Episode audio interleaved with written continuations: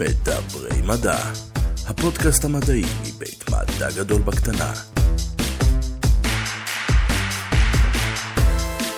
שלום וברוכים הבאים למדברי מדע, הפודקאסט המדעי מבית מדע וגדול בקטנה. מקס, מה קורה? הכל מעולה יופי, מה איתך? אני מאוד מתרגש מהפרק הזה כי הוא מאוד מאוד מעניין. נוגע ללב של כולנו, אני באמת באמת מחכה לפרק. תראה, הרבה אנשים uh, סובלים ביום יום uh, מכאבים, כאבים כרוניים, ואנחנו הולכים לדבר עם דוקטור יהושע אבירם, חוקר קנאביס, דירקטור למחקרים קליניים בחברת סייקי מדיקל. הוא יספר לנו על uh, תחום הקנאביס בכלליות, איך זה מתפתח בעולם, וגם על הפיתוחים האחרונים שהחברה שלהם מפתחת בתחום. תישארו איתנו, כי זה הזמן לדבר מדע.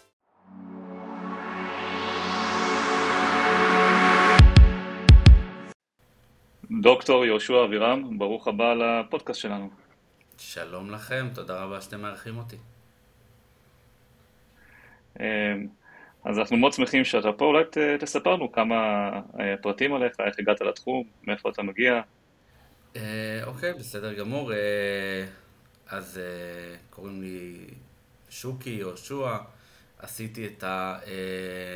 בעצם אני אח במקור. אה, עבדתי עשר שנים במחלקה פנימית ברמב"ם, פנימית ג', אה, בעצם כנאמן טיפול בכאב במטופלים.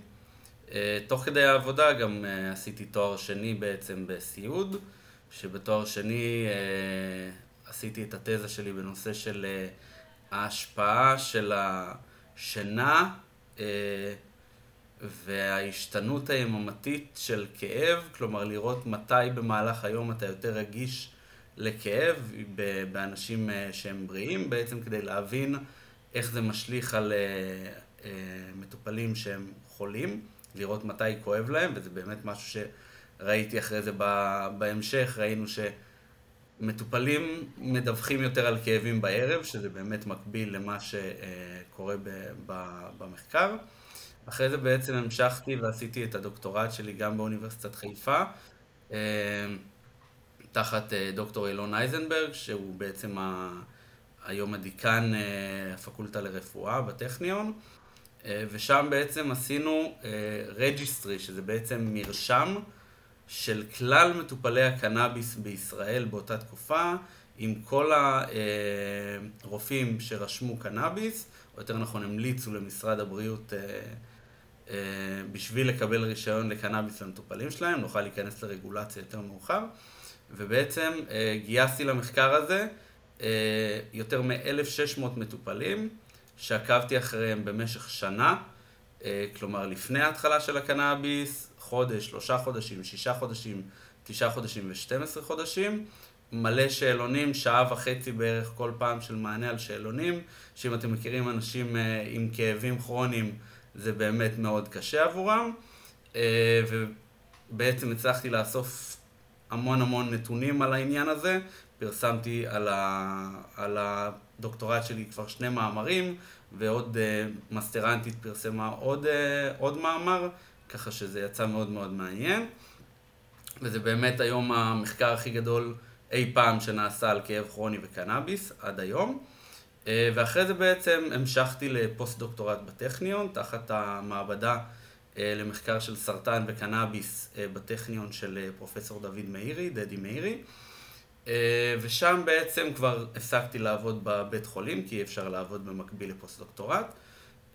ועשיתי מחקרים בעיקר על ההשפעה של קנאביס רפואי על כאב סרטני, על כל מיני מדדים של סרטן. ואיך הקנאביס משפיע עליהם, ששם אני יכול לספר לכם בקצרה שלצערנו קנאביס לא מרפא סרטן.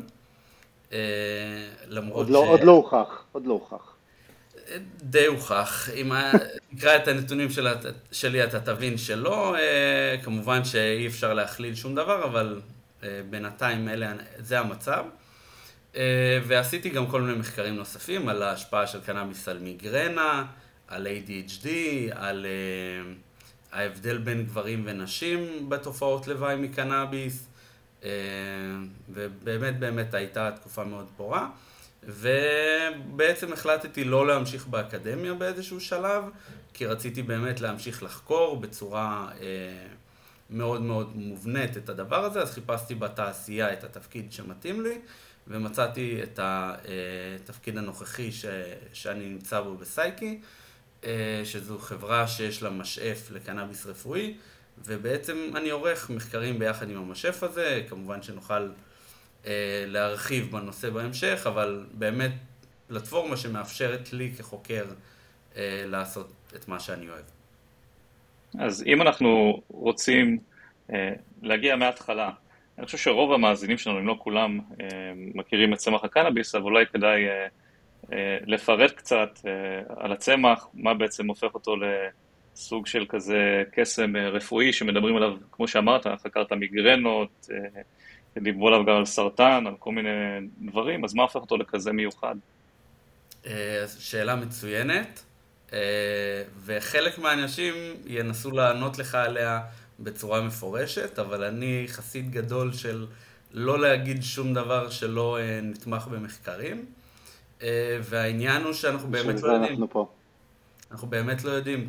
כרגע יש עדויות מהעולם, מישראל, מהמחקרים שלי, ממחקרים של אחרים, שהקנאביס כקנאביס עוזר לכל מיני דברים, סוג של פנצea. פנצea זה מושג שאומר טוב להכל. עכשיו, זה נשמע קלוש בתור מי שמטפל במטופלים, שום דבר הוא לא מאה אחוז טוב. אפילו מים, אם אתה תשתה יותר מדי, כנראה שזה יגרום לך לתחלואה מסוימת. אה, ואפשר גם למות. כל דבר זה רעל, הכל שאלה של מינון. הכל שאלה של מינון. יש משפט מאוד יפה שאני אוהב, כן. כל פטריה היא אכילה, לפחות פעם אחת. כן. כן? אז זה נחמד. אה, אז בעניין הזה של קנאביס בעצם, בכל המחקרים שאתה רואה שמתייחסים לקנאביס כקנאביס, זה, זה פשוט לא אומר שום דבר. כי קנאביס יש המון זנים, זה כבר ממש לא הזנים המקוריים שגדלו על הרי ההימאליה או בנפאל או איך שהם נוצרו בטבע, הם עברו המון המון שינויים עם השנים, בעיקר כדי להעלות את הרמה של הטטרה-הידרוקנבינול, שזה ה-THC, שהמחשבה היא שהוא החומר שגורם להשפעה הפסיכואקטיבית, להיי, לכל מה שהמשתמש החברתי בעיקר רוצה. זה אפילו כמעט ולא קשור להשפעה הרפואית שלו. גידלו אותו בעיקר לשימוש החברתי, אה, והיום אנחנו לוקחים את זה לכיוון הרפואי יותר, איפשהו במהלך תחילת המאה הקודמת זה אפילו היה תחת ספר התרופות, כלומר נכנס לכל הטיפולים והיה כל מיני משחות ו...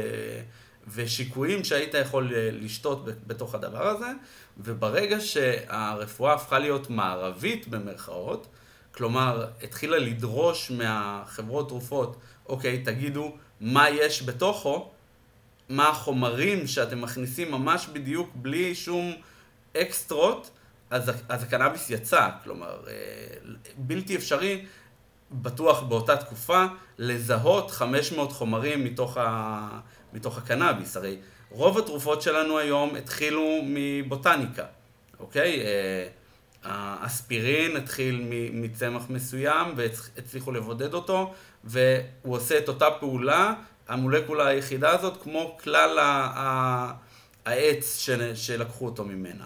המורפיום מגיע מצמח הפרג, מה, מהאופיום. אה, כמו הרואין. כן.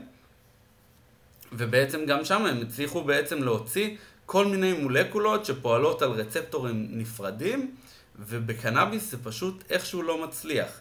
ניסו, יש אה, תרופות שהן רק אה, THC סינתטי, הטטראידרות קנבינול, לקחו אותם, ניסו לתת אותם למטופלים לכאב, כמעט ולא עבד.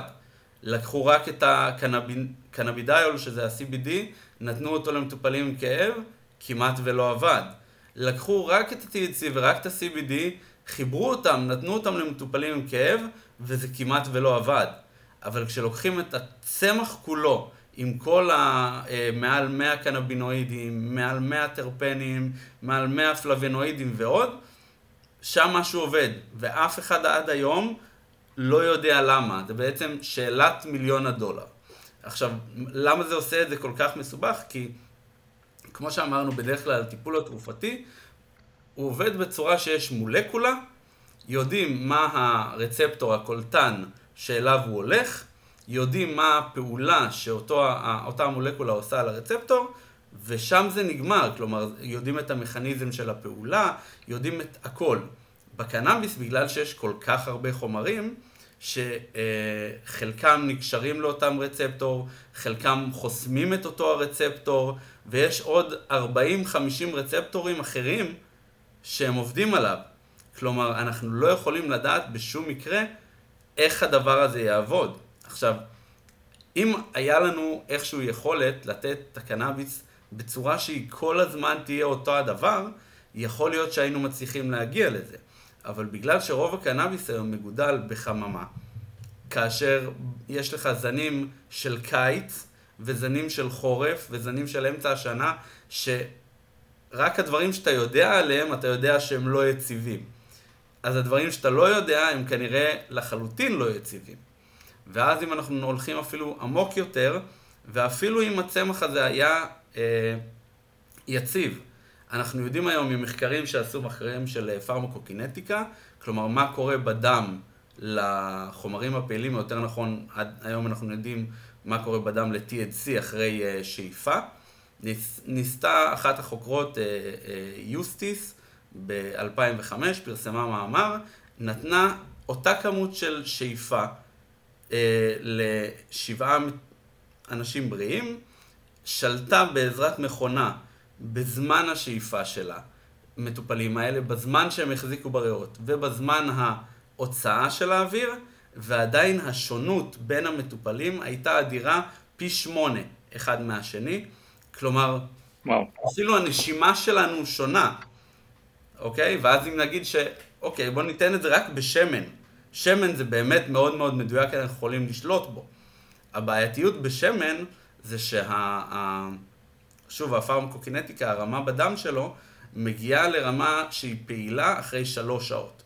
והיום יש לנו מצב בארץ שההנחיה של רופאים אה, בספר הירוק, נוהל 106 של משרד הבריאות, אבל זה משהו שקיים בכל, בכל העולם בעצם, שלתת למטופל את השמן הזה מתחת ללשון, ובאמת, אנחנו יודעים שיש ספיגה טובה מתחת ללשון, הרבה כלי דם, אבל חומרים שהם שומניים, שומניים אה, שהם ליפופילים, כמו הקנאביס, כמו המרכיבים של הקנאביס, לא נספגים שם.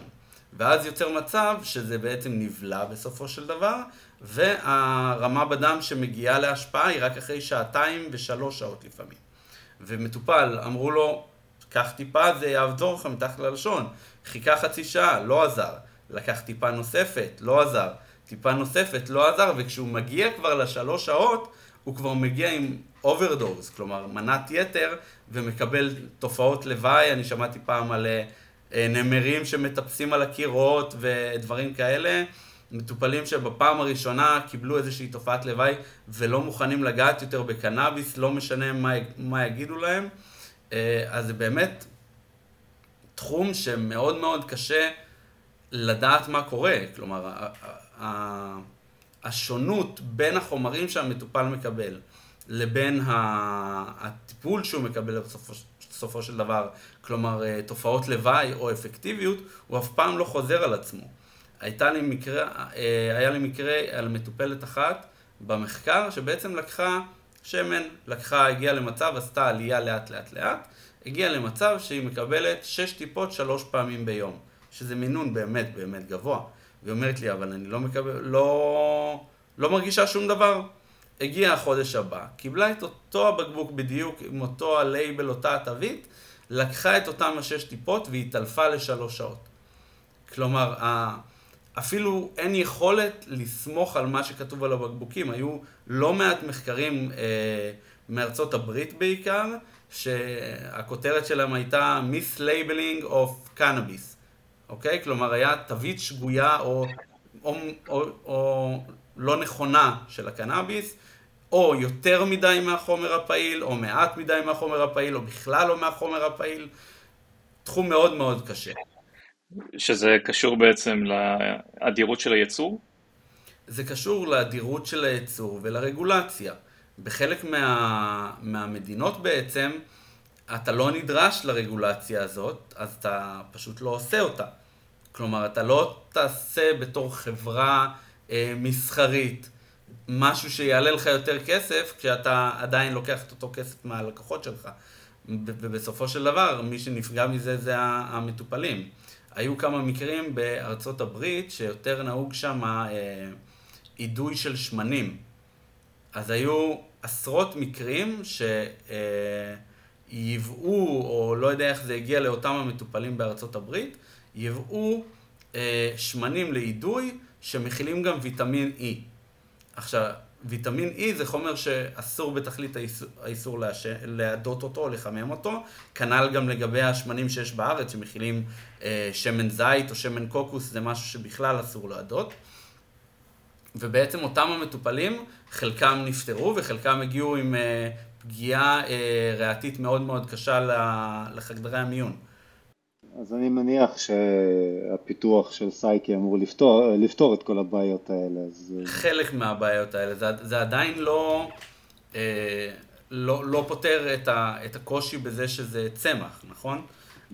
היתרון בעצם, בעזרת המשף, זה שאתה אה, בעצם משתמש ב, קודם כל בזן אחד, שזה זן אה, של בדרוקן, זו חברה הולנדית, בעצם היחידה אה, בהולנד שמאושרת לגידול רפואי, אה, ב, בגלל הדרישות הרגולטוריות שם בעצם, כל כך קשה אה, להפוך להיות שם חברה, אז כרגע הם 15 שנה החברה היחידה שם. והם באמת מצליחים לשמור על, על יציבות בגידולים שלהם? בדיוק. למרות, למרות שאמרת שזה מאוד קשה? זה מאוד קשה, אבל הם, הטווח טעות שלהם הוא הרבה יותר קטן. קודם כל הם מגדלים במפעל שהוא אינדור, כלומר סגור לגמרי, בסדר? באותה הצורה כל הזמן. אז אני אומר, הקנאביס הוא לא אדיר, אבל אם התהליך שלך הוא אדיר, הסיכוי שהתוצאה תהיה אדירה באותו, בסופו של דבר הרבה יותר גדול.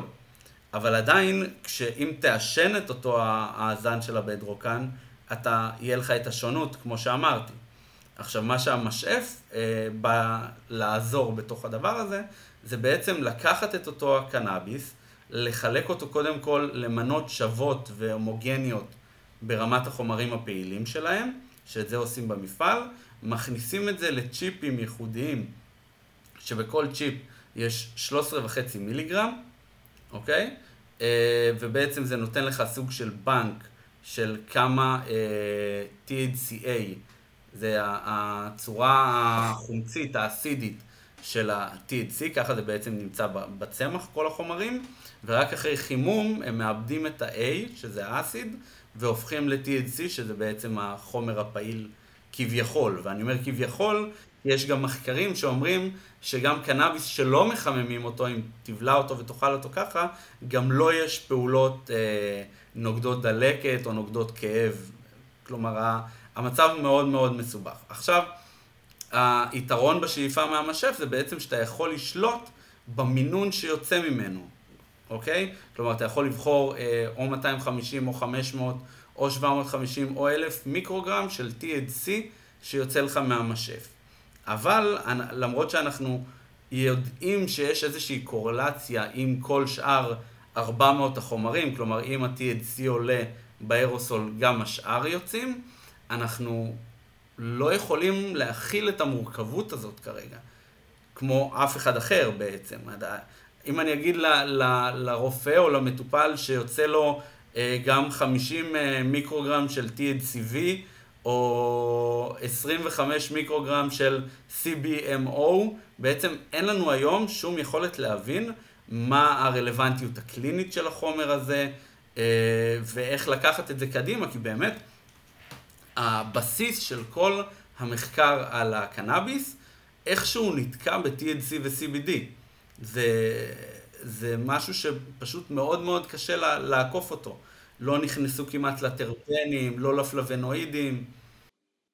אז אני מניח שההנחה היא שאם אחוז ה-THC הוא הוא קבוע, או לפחות אדיר, בין אמנות הייצור השונות, אז גם שאר החומרים בעצם בערך באותו יחס ל-THC. אה, כן, זו, יש לנו כמה בדיקות על זה, אבל זה, זה, זה, הרבה, זה הרבה תקווה, ו, ואנחנו באמת עובדים עכשיו כדי לפתח את כל מה שאמרתי, כדי גם לשלוט בכל השאר, אבל זו עבודה ש, שתיקח עוד הרבה זמן, ואנחנו מנסים לעשות אותה כמה שיותר מהר בשביל המטופלים, אה, כדי איכשהו להצליח ולסדר את התחום המאוד מאוד לא ברור הזה. הזכרת בהתחלה את ה... שאתם חקרתם את ההשפעה של, של באופן כללי של קנאביס על אה, ADHD ועל מיגרנות, זה מאוד מעניין באופן אישי, אז אני, אני אשמח אה, לשמוע מה באמת מצאתם. אוקיי, okay, אז קודם כל זה היה טרום עבודתי בחברה של סייקי, אה, זה היה תוך כדי הדוקטורט והפוסט-דוקטורט, ובעצם נתייחס לכל דבר בנפרד. אז קודם כל במיגרנה, מיגרנה היום בישראל היא לא אחת האינדיקציות המאושרות לקבלת קנאביס רפואי. אבל זה עניין אותי, והיה לנו database מאוד גדול של פרופסור מאירי בטכניון, שנאסף ממטופלים, שהיה להם הבחנה נוספת ומיגרנה. אז בעצם חזרתי לאותם המטופלים האלה, הצגתי להם עוד קצת, עם עוד כמה שאלונים, ובעצם בדקתי מה הם זוכרים, כמה התקפים היו להם של מיגרנה בחודש לפני תחילת הקנאביס, וכמה היה להם היום באותו רגע, ואילו זנים או, או אילו חומרים הם לקחו אה, של הקנאביס ב, בתקופה הנוכחית שעוזרת להם. ובאמת ראינו שם שמעל 60% מהמטופלים שהיה להם מיגרנה קיבלו הקלה של 50% או יותר בתקיפות, בכמה התקפים שיש להם בעצם. כלומר, אנשים שהיה להם 20 התקפים בחודש, ירדו ל-10 התקפים. אנשים שהיה להם 10 אה, התקפים, ירדו ל-5.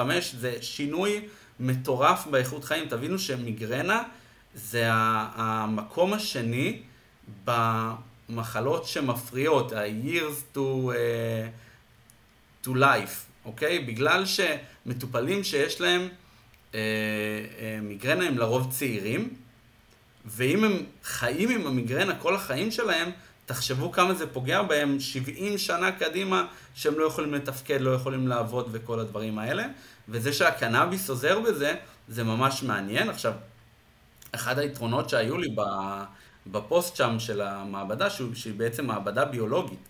היא לא מעבדה שמתעסקת עם מטופלים בדרך כלל, אבל כשאני באתי היה בדיוק גרנט לנושא הזה, אה, ובעצם אני לקחתי את הידע של המעבדה, שהם ידעו בעצם לגבי כל הקנבינואידים ולגבי כל הטרפנים, כמה יש בכל אחד מהזנים. ואני שאלתי את זה את, את, את המטופלים, ועשיתי איזושהי סכימה של כלל המינון החודשי שהמטופלים האלה לוקחים, והצלחנו להגיע למסקנות מאוד יפות ולזהות קנבינואידים ספציפיים, שאם היה לך אותם בקנאביס שלקחת, אז המיגרנה שלך השתפרה יותר. אוקיי? אז יש איזושהי יכולת, אבל זה מאוד מאוד קשה. אני בדוקטורט שלי, התקווה שלי הייתה להצליח למצוא זן קנאביס שעוזר לכאב, זן קנאביס שעוזר לשינה, זן קנאביס שעוזר לחרדה, וכל מה שלא תחשבו. זה היה התקווה האישית שלי. אבל מה שקרה בסוף, מסתבר שכמעט ואין מטופל שלוקח זן אחד, אוקיי? מטופלים מערבבים אה, שתיים, שלוש, ארבע, חמש זנים בטיפול החודשי שלהם, ואז בעצם בתור אה, מתודולוגיה, סטטיסטיקה, אין לך שום יכולת לדעת ממה באה ההשפעה שאותה אתה רואה למטופל, בין אם היא חיובית ובין אם היא שלילית, אוקיי? ואז הם לוקחים בעצם כל אחד מינונים שונים, כל מטופל הוא שונה לגמרי, ו, ולא לרופא ולא לסטטיסטיקאי ולא למי שיש אה, נתונים על מעל אלף אנשים, אין שום יכולת להגיע ל, למסקנות בעצם מהדבר הזה. האם אה, יש נתונים מהעולם אה, בעקבות זה שקנאביס נהיה חוקי בהרבה מדינות, אז יש כמובן המון משתמשים שמשתמשים בזה בצורה רקריאטיבית, איך שאומרים. אז האם יש נתונים שאפשר בעצם לבחון משתמשים בעולם? נתונים לגבי מה? איזה שאלה ספציפית? אה, אה, כמו שאמרת, יש השפעות על כאב, מיגרנות, אה, דברים כאלה, יש הרבה ניסויים שנעשים בסביבה מבוקרת מדעית, אבל מכיוון שעכשיו, למשל, יש שימוש רחב בהרבה מדינות, אז לכאורה היינו אמורים לראות נגיד ירידה בתלונות על מיגרנות, נכון, באותן מדינות כשיש שימוש מאוד גבוה. האם יש סטטיסטיקות בנושא הזה כבר? אז הבעיה העיקרית היא שרוב המידע ורוב המדינות שאתה מדבר עליהן שיש בהן לגליזציה או מדיקליזציה מלאה מגיע מארצות הברית.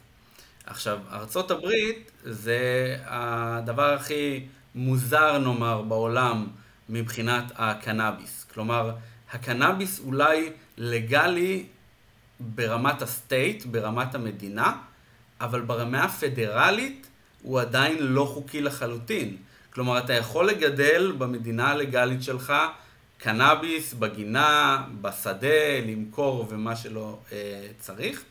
אם אתה תעבור מטר אחד את הגבול, אתה פושע פדרלי. אם אתה עובר את ה, עם הקנאביס את הגבול. עכשיו, זה ב, ב, בתשובה לשאלה שלך בעצם, כשהממשל הפדרלי הוא זה שמממן את כל המחקרים על קנאב, על הכל בגדול, גם על חומרים שהם substances, אה, אז הוא בעצם לא יממן מחקרים שכביכול אה, יתרמו ליעילות או לבטיחות של אה, אותו החומר כטיפול, כי זה מנוגד לחלוטין להבנה שלו את החומר שהוא schedule one drug, שהוא כביכול אמור רק להזיק ואין לו שום תועלת. אה, יש פה דיכוטומיה מוחלטת בין שני הדברים.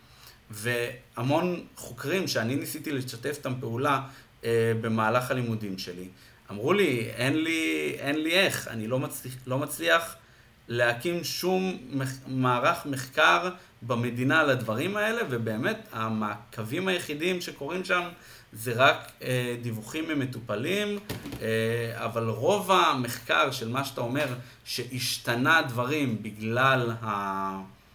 הקנאביס והלגליזציה שלו, זה מחקרים אפידמיולוגיים, כלומר הסתכלות על כלל האוכלוסייה, וכן ראו שם דברים מאוד מאוד מעניינים. ראו שחלה ירידה בשימוש באופיאטים, כלומר שגם הם תרופה לכאב, כלומר יש פה סוג של substitution, אה, הקנאביס מחליף את, ה, את האופיאטים בתפקיד הזה, ראו ירידה בתרופות אה, למ, ל, לשינה. דרך אגב, אם היו שואלים אותי, מה לדעתך הדבר הראשון שקנאביס אמור לטפל בו ולמה צריך לכוון אותו, לא הייתי אומר כאב כמו שזה היום, הייתי אומר שינה. אין כמעט מטופל שדיבר איתי ולא אמר לי, עזוב אותך כאב, קצת ירד לי הכאב, אבל תקשיב, אני ישן, חבל לך על הזמן. בוא, בוא, בוא ניקח את זה לשם. מה עם תיאבון להפרעות אכילה? אה, תיאבון בדרך כלל נכנס כתופעת לוואי, שזה עוד, עוד איזושהי דיכוטומיה מוזרה. אה, בעצם תיאבון לחלק מהמטופלים ייחשב כמשהו חיובי, נכון? חולי סרטן. בסרטן למשל, בכל מיני מקרים של אה, רזון מוגזם. הפרעות אכילה. מסרטן ומאיידס הרבה פעמים. אה, ושם זה כן קיים, אבל אנחנו לא יודעים כמה ולמה. שוב, אני ראיתי מטופלים שהקנאביס עשה להם עלייה בתיאבון, אני ראיתי מטופלים שהקנאביס עשה להם ירידה בתיאבון, ואפילו כאלה שהוא גרם להם למחסור בתיאבון, ככה שמאוד יהיה קשה לגרום לתוך הדבר הזה. וגם אם אנחנו מסתכלים במחקר שלי על המטופלים האונקולוגיים, אז באמת עשיתי שם מעקב על 400 מטופלים במשך חצי שנה, אה, ותיאבון היה אחד הדברים שעקבתי אחריהם. לא היה לאורך זמן, אם אתה מסתכל, לא היה איזשהו שיפור בתיאבון, אה, ולא היה שינוי במשקל, שזה בעצם, אם אתה רוצה להעלות תיאבון, הכוונה זה בסופו של דבר להעלות את המשקל של המטופל בשביל אה, שיהיה לו יותר חלבון, בשביל שיהיה לו יותר יכולת להתמודד עם המחלה, וזה לא קרה. אנחנו תכף חוזרים לפרק, לפני זה חסות קצרה. בא לכם לשמוע יותר על מדע? עמותת מדע גדול בקטנה מציעה הרצאות מומחים במגוון תחומים מדעיים, יכולות להתקיים בפעילויות העשרה, בתי ספר ובמקומות העבודה.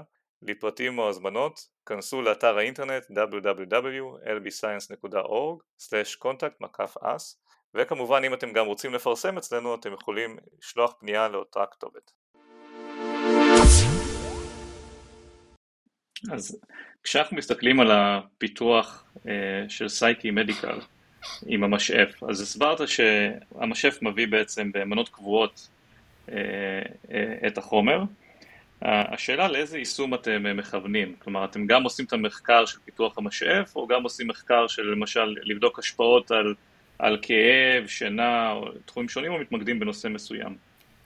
שאלה מצוינת, לפני כמה חודשים בעצם הצלחתי אחרי עבודה של אה, חצי שנה בעצם לקחת את הנתונים שהאחיות בסייקי אוספות. אה, בעצם יש קבוצה של אחיות שלכל מטופל יש אחות צמודה שמדברת איתו אה, ב baseline, כלומר לפני שהוא התחיל, יום אחרי, כל שבוע בחודש הראשון, כל חודש בחצי שנה הראשונה, ובעצם עוקבת אחריו בגדול עד שהוא מחליט לסיים את הטיפול. ו, אה, ואוספים מידע. כלומר, אני הוספתי גם הרבה מאוד שאלונים כדי להבין על כל מטופל איך אנחנו מצליחים לעזור לו. אם יש מטופל עם PTSD, איך אנחנו משפיעים לו על ה-PTSD בעזרת שאלון אה, מתוקף, אה, כדי שאחרי זה גם נוכל לדבר על זה ולהוכיח על זה. אם זה ספסטיות מטרשת נפוצה או פרקינסון, אם זה ADHD, אז הוספתי גם שאלון לזה. אבל במחקר מה שהתמקדתי בו בעיקר, כי רוב המטופלים היום בקנאביס בארץ, וגם המטופלים של סייקי, מקבלים את הקנאביס בגלל כאב כרוני. זו ההבחנה המובילה לחלוטין כל דבר, כנראה כי הרבה יותר קל לקבל עליה מאשר כל דבר אחר.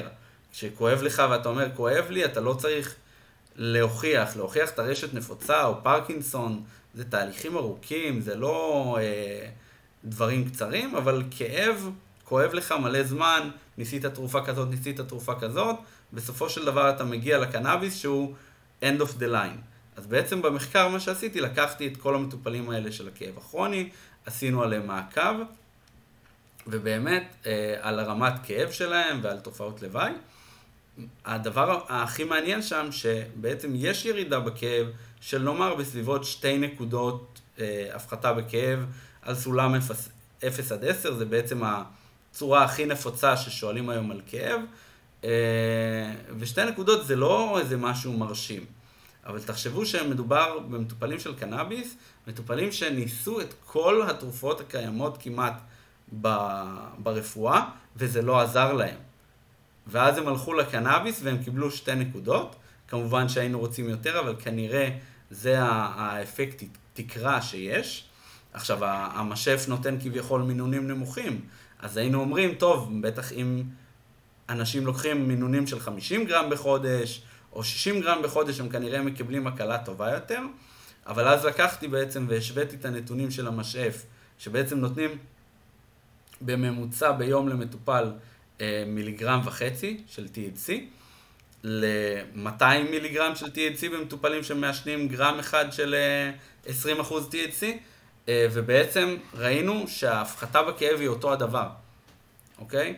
אז כנראה שיש את הסילינג אפקט, האפקט גג הזה, שלא משנה כמה אתה תיקח יותר, אתה כנראה לא תצליח להפחית את הכאב שלך לאפס, וזה משהו שהוא נכון ברפואת כאב באופן כללי.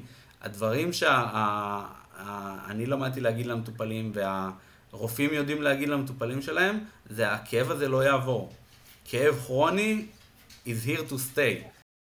מה המנגנון בעצם שקובע את, ה, את התקרה הזאת? זה המספר אה, רצפטורים, רוויון שלהם? איך, איך, מה המנגנון? שאלה מצוינת, התשובה היא שוב פעם, אני לא יודע.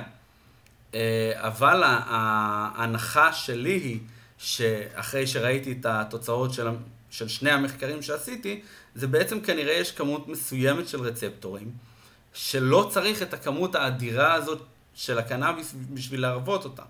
והדבר השני שאתה מקבל כשאתה ממשיך להזרים אה, קנבינואידים אקסוג, אקסוגנים, כמו שאנחנו עושים מחוץ לגוף אל תוך הגוף, אתה מקבל יותר תופעות לוואי.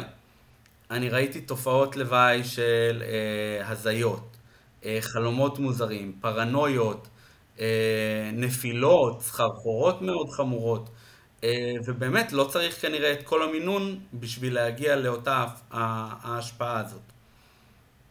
איך אנחנו בכלל מגדירים כאב כרוני? הרי אם, אם זה מוגדר רק על ידי שאלונים סובייקטיביים, וכל אחד מגדיר את הכאב באופן שונה, וכל אחד יכול לדרג את הכאב שלו באופן שונה. מה זה כאב כרוני? האם זה כאב שנגרם רק ממחלה, או שזה גם כאב שבן אדם לא יודע מאיפה הוא מגיע, וזה פשוט משהו שהוא חי איתו? אז קודם כל ההגדרה של כאב כרוני זה כאב שלא נפסק למרות טיפול אה, מקובל במשך שישה חודשים, באותו רגע הוא מוגדר כרוני. הטיפול המקובל זה רק על ידי משככי כאבים?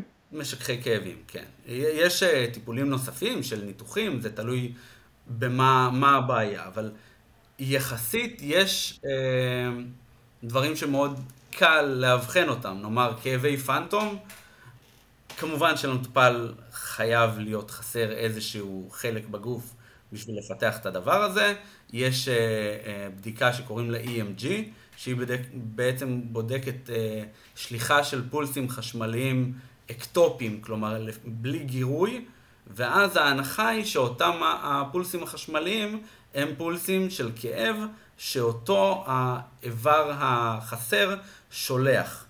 אה, זה קורה, אה, אותם הפולסים, גם בדיאבטיק נורופתי, שזה פגיעה עצבית שקורית מסכרת, והיא לרוב גם כואבת, בעיקר בכפות הרגליים, כש... כי נפגעים שם בגלל הגלוקוז שמגיע, הוא הורס את הנוירונים, ובעצם יוצר תחושה של כאב או דלקת מקומית, אבל זה יכול להימשך עם הבן אדם עד סוף החיים שלו. אה, פריצת דיסק אה, בגב תחתון, בעצם יש לך לחץ על העצב, אוקיי? והלחץ על העצב הזה שולח פולסים של כאב לרגל ומחזיר אותם למוח. הרי אנחנו לא יודעים, הרגל לא יודעת שכואב לה. הפולסים שהיא שולחת למוח ומאבדת אותה בתוך המוח, ואז שולחת חזרה, רק אז אתה יודע שכואב לך. Mm-hmm. עכשיו, יש לי אה, חבר שעשה איתי את, אה, את הדוקטורט שלו, ובעצם הוא ניסה להבין למה חלק מהמטופלים שיש להם פריצת דיסק ועוברים ניתוח לגב, אה, סובלים מכאב גבוה יותר וחלק נמוך יותר. הוא מצא שאין בכלל שום קורלציה בין רמת הפריצה שיש לך, רמת הדלקת אה, ו- ומאפיינים אחרים, בעצם שום דבר מהדברים האובייקטיביים לא קובע, הדבר היחיד שקובע את רמת הסבל שלך זה ה-pain catastrophizing scale שלך. זה מין שאלון שבודק כמה אתה אה, פולני לכאב שלך, נאמר את זה ככה. כמה אתה מעלה גרה עליו, כמה אתה סובל מהכאב שסובל מהכאב, אוקיי? ובסופו של דבר, זה כנראה עניין אישיותי לגמרי. כמה שאתה תסתכל. זה, זה אומר שהכאב הרבה יותר משמעותי בפולין. כנראה, אני לא יודע אם הפולנים אה, מגיבים ככה, אבל לפחות פולנים יהודים אה, כנראה זה... זה בטוח. זה בטוח. אבל בבסיס הכאב הוא מאוד סובייקטיבי וכנראה זה הגורם המשמעותי ביותר. כן, ההגדרה של כאב של האיגוד הכאב העולמי, כאב היא תחושה סובייקטיבית, אה, אמיתית או פוטנציאלית. אוקיי? כלומר, אפילו לא חייב להיות אה, מקור אמיתי לכאב, אפילו אם פוטנציאלית אתה מפחד מהכאב, זה עדיין מוגדר מכאב. זה, זה משהו שמאוד מאוד קשה לחקור אותו, כי אתה בסופו של דבר אה, רוצה לדעת איך אתה משפיע על אותו הדבר, וזה גם אה, תחום שמאוד מושפע מפלצבו נאמר, אוקיי? אם, אם זה כל כך הרבה במוח, אז הפלצבו משפיע oh. עליו אה, בצורה מאוד מאוד שונה. אה, עשינו איזשהו מחקר אחד ב... שעוד הייתי בדוקטורט, אבל זה היה מחקר של אחד הרופאים שעזרתי לו, ובעצם בדקנו מטופלים עם כאב אה, כרוני לעומת אקוטי, אקוטי זה כלומר כאב אחרי ניתוח. אם אתה שואל אותו אחרי שהוא אומר לך מה הרמת כאב שלו, אוקיי, ועכשיו אם היית משווה את זה לדפוק את הזרת בקצה של השולחן, כמה היית אומר שכואב שזה, לך? שזה עשר, זה, זה עשר, נכון? זה, זה יותר מלידה, יותר, יותר מלידה. אוקיי? אז האנשים של הכאב הכרוני, התיקון שלהם להורדה היה גדול בהרבה ממטופלים של כאבים אחרי ניתוח. כי כאב אחרי ניתוח, אתה חש אותו עכשיו. כאב כרוני זה כאב שהוא בעיקר חי במוח שלך. אוקיי? אתה מקבל אותו, אה, אנשים, יש מחקרי FMRI שמראים שאנשים עם כאב כרוני, פשוט המוח שלהם עובד אחרת. משהו בסיגנל משתנה שם, זה נקרא אה, Central Sensitization, כלומר המערכת שלך עוברת איזשהו גירוי מרכזי שכנראה אי אפשר לחזור ממנו. אה, פיברומיאלגיה, מטופלות עם פיברומיאלגיה, יש גם חלק גברים, אבל הרוב נשים. אנחנו מדברים על הבחנה שנעשית רק אחרי שנשללו כל ההבחנות האחרות. לוקח שבע שנים לאבחן את המחלה הזאת, חברים. זה מטורף, האנשים האלה סובלות ברמות בלתי נסבלות, אבל אין שום דבר. אתה תעשה להם בדיקה של נוגדנים בדם, של דלק, דלקות בדם, כדי לראות אולי אם יש להם דלקת פרקים. דלקת פרקים, אם אתה רואה את זה, בדל... ב... יש לך טיפולים, אתה יכול לטפל ב... בדלקת עצמה, בכל מיני disease modifying drugs, בפיברומיאלגיה אין לך, אין לך איך לטפל, כי אתה לא יודע מה המחלה אפילו. אתה יודע שהיא לא המחלות האחרות, והן מתות מכאבים. אז אתה נותן להם אה, אופיאטים, שזה מורפיום ודומיו, אתה נותן להם נוגדי דלקת, ולאורך הזמן הן סובלות מלא מהתופעות לוואי של התרופות, כי התרופות האלה לא נועדו כדי לקחת אותן באופן כרוני. לקחת אותם יום-יום. אתם יודעים הרי שנוגדי דלקת אה, אה, לא סטרואידליים, ה-NSAIDs, אה, איבופן ודומיהם, אתה לא אמור לקחת יותר מעשרה ימים רצוף, כי זה יכול לעשות לך אי ספיקת כליות, פגיעה בלב, ואנשים עם כאב כרוני לוקחים אותם הרבה פעמים על בסיס מאוד מאוד קבוע. גם אופיאטים דרך אגב, מורפיום, הוא אחלה בניתוחים, בהרדמות, בפרוצדורות, דברים כאלה, מצוין, אין יותר טוב ממנו, הוא לא רואה את הקנאביס ממטר. אבל כשלוקחים אותו באופן כרוני לאורך זמן, מחקרים מראים שנוצר אה, מצב שנקרא אופיוד אינדוס טיפרלגזיה. כלומר, אתה לוקח את האופיאטים ואתה נהיה כאוב יותר כתוצאה ממה שאמור לטפל בך. אל, אלה מחלות נוראיות שמאוד מאוד קשה לטפל בהן. אה, ואני באמת, אני מנסה להגיד תמיד ל, ל, לרופאים, לפחות בהקשר של הקנאביס, אה, תיאום ציפיות. בין אם אתם נותנים את המשאף, בין אם אתם נותנים משהו אחר של קנאביס, תבינו, שהמטופלים יבינו, הם, גם אם זה מצליח, יותר מ-2-3 נקודות הפחתה בכאב זה כנראה לא ייתן לכם. עכשיו היו, אה, אם אנחנו מדברים בהקשר של ההשוואה לשמן, אה, כי אני לא רוצה להשוות לעישון. בעצם רוב המטופלים בארץ, את הקנאביס שלהם לוקחים בעישון, כן? שזה הדבר הכי מנוגד שיכול לקרות בעצם לטיפול רפואי. אתה... המינון, אי אפשר, אי אפשר לשלוט במינון. עזוב, לשלוט במינון. אתה אומר למטופל, תעשה משהו שרע לך, כן. כדי שיהיה לך טוב. אוקיי? אבא שלי, כשקיבל את הרישיון, יש לו גם פריצת דיסק, בחיים שלו לא עישן לפני זה, והרופא אמר לו לעשן. זה, זה, מבחינה תפיסתית זה, זה מוזר. אם אנחנו כבר מדברים על זה, האם מישהו בדק אי פעם את ההשפעה על, על כאב באותו תחום אה, של קנאביס בשאיפה, אם זה עישון, אם זה אידוי, לבין אכילה?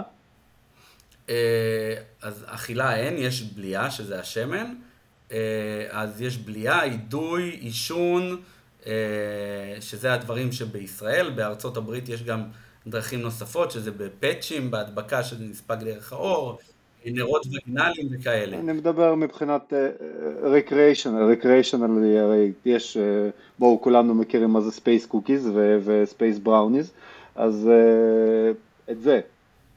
אז uh, אני מתעסק יותר במחקרים שהם קליניים, השפעה על מטופלים, העניינים החברתיים זה פחות קוסם לי.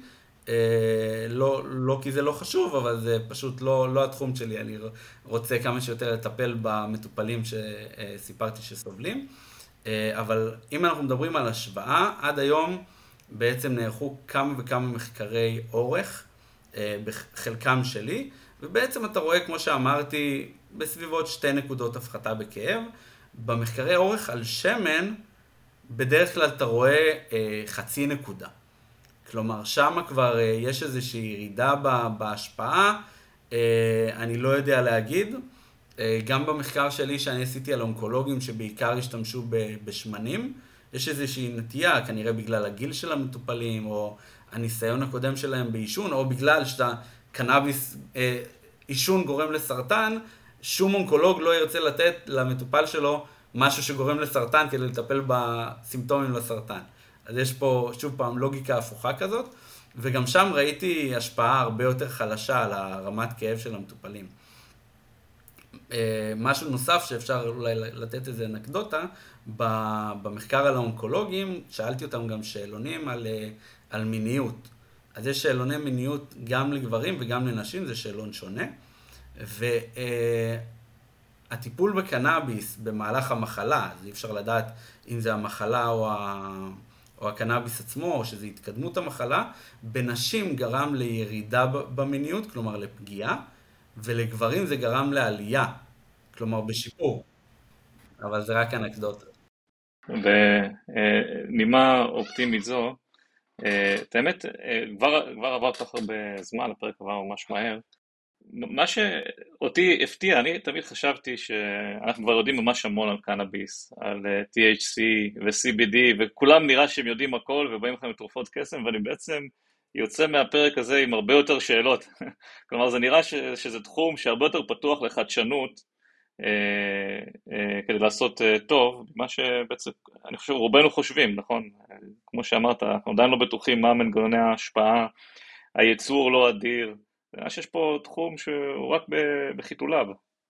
לגמרי, התחום בחיתוליו לגמרי, אני תמיד אומר, אם היינו עכברים, כנראה שאנחנו לא היינו במצב הזה, כי שם אנחנו יודעים ממש הרבה. ברגע שזה מגיע למטופלים, לבני אדם, איכשהו זה עובד שונה. משום מה, כנראה כי אנחנו לא עכברים. אה, כי אני ראיתי מחקרים מדהימים שמרפאים סרטן בעכבר. היה לו סרטן, והסרטן נעלם עם הקנאביס. ומצד שני, אני לא ראיתי את זה לצערי קורה במטופלים. אה, ובאמת, אנחנו בתחום פתוח לגמרי. אני מאוד מרוצה שהלכתי לתחום הזה, כי בעצם אין הרבה אה, חוקרים שחוקרים קנאביס בתחום הקליני שלו, באמת יש הרבה שחוקרים אה, פרה-קליני על עכברים ובתאים, שם יש לך, אתה יכול לכתוב ספרים על הדבר הזה. על מטופלים כמעט ואין, למרות שזה לאט לאט והולך וגודל.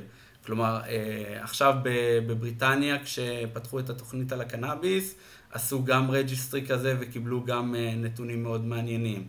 אה, בדנמרק מתחילים לאסוף נתונים, בגרמניה, כלומר הם מכניסים את זה כחלק מהתוכנית המדינית שלהם להבין מה הם נותנים, כי בסופו של דבר אתה אחראי על מה שאתה נותן למטופלים, ואני אגיד לך את האמת, אם אני הייתי רופא, אני לא בטוח שאני הייתי רץ לתת קנאביס למטופלים שלי, למרות שאני יודע, כי כי אין לי מושג מה אני נותן להם. הרופא היום אומר לך, לך תיקח קנאביס, ו... ואין לו מושג מה אתה לוקח. באמת שאין לו מושג. מצד שני, הרוב יגידו לך, אולי לא רופאים, אני, אני לא יודע, אבל הרוב יגידו לך שזה גם לא מזיק. אה, אז השאלה זה, מה זה מזיק?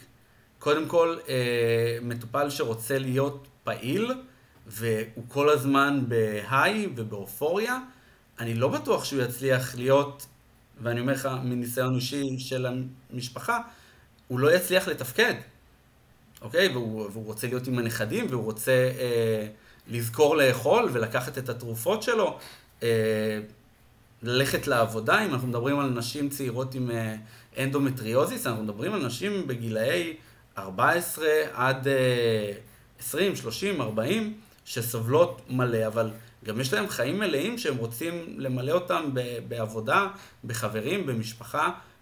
תחשוב שאתה מסטול כל היום, אני מכיר אנשים שיש להם רישיון ל-100-180 גרם בחודש. זה אומר שאתה צריך במשך 18 שעות ביום להיות עם סיגריה ביד. אני לא חושב שבן אדם כזה היית רוצה, אה, לא יודע, ש, שיעבוד, ו, או שהוא יצליח לעבוד ב, ב, בצורה תקינה. סביר להניח שלא, אבל אתה יודע, קשה להימנע מבדיחות בנושא, אבל אני בטוח שהיו הרבה אנשים שמשלמים הרבה כסף בשביל להיות עם סיגריה ביד במשך רוב היום. אה, כן, רק שהם צריכים לעבוד כדי לשלם על הדבר הזה. 180 גרם בחודש היום מגיע בין 5,000 ל-6,000 שקל. זאת הבעיה.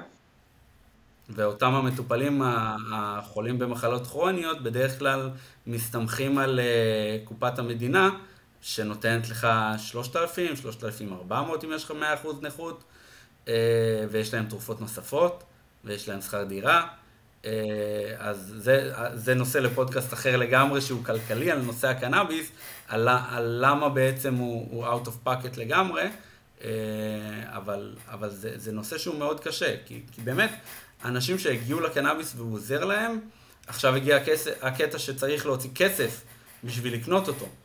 אה, אז אנחנו נמצאים במקום מאוד מאוד מאוד טוב, אבל גם קשה. ומסובך, אבל גם מעניין, אה, ובסופו של דבר אה, אין תחליף למחקר לדעתי בשביל להבין אה, מה לעזאזל אנחנו עושים פה. כן, ואם אנחנו יכולים לסכם, נגיד שבאמת קודם כל המחקר זה הדרך הנכונה לקבל את התוצאות הרצויות, לא, לא לנחש, בסוף צריך לדעת בדיוק מה המנגנונים שקורים כדי שבעתיד נוכל לפתח אה, תרופות אה, טובות יותר. דוקטור יהושע אבירם, אני מאוד רוצה להודות לך על הפרק המעניין מאוד, ואני גם רוצה להזכיר למאזינים שלנו את הפטריון הנהדר שלנו, אם אתם רוצים להמשיך ולתמוך בפעילות של עמותת מדע גדול בקטנה, אנא כנסו לפטריון.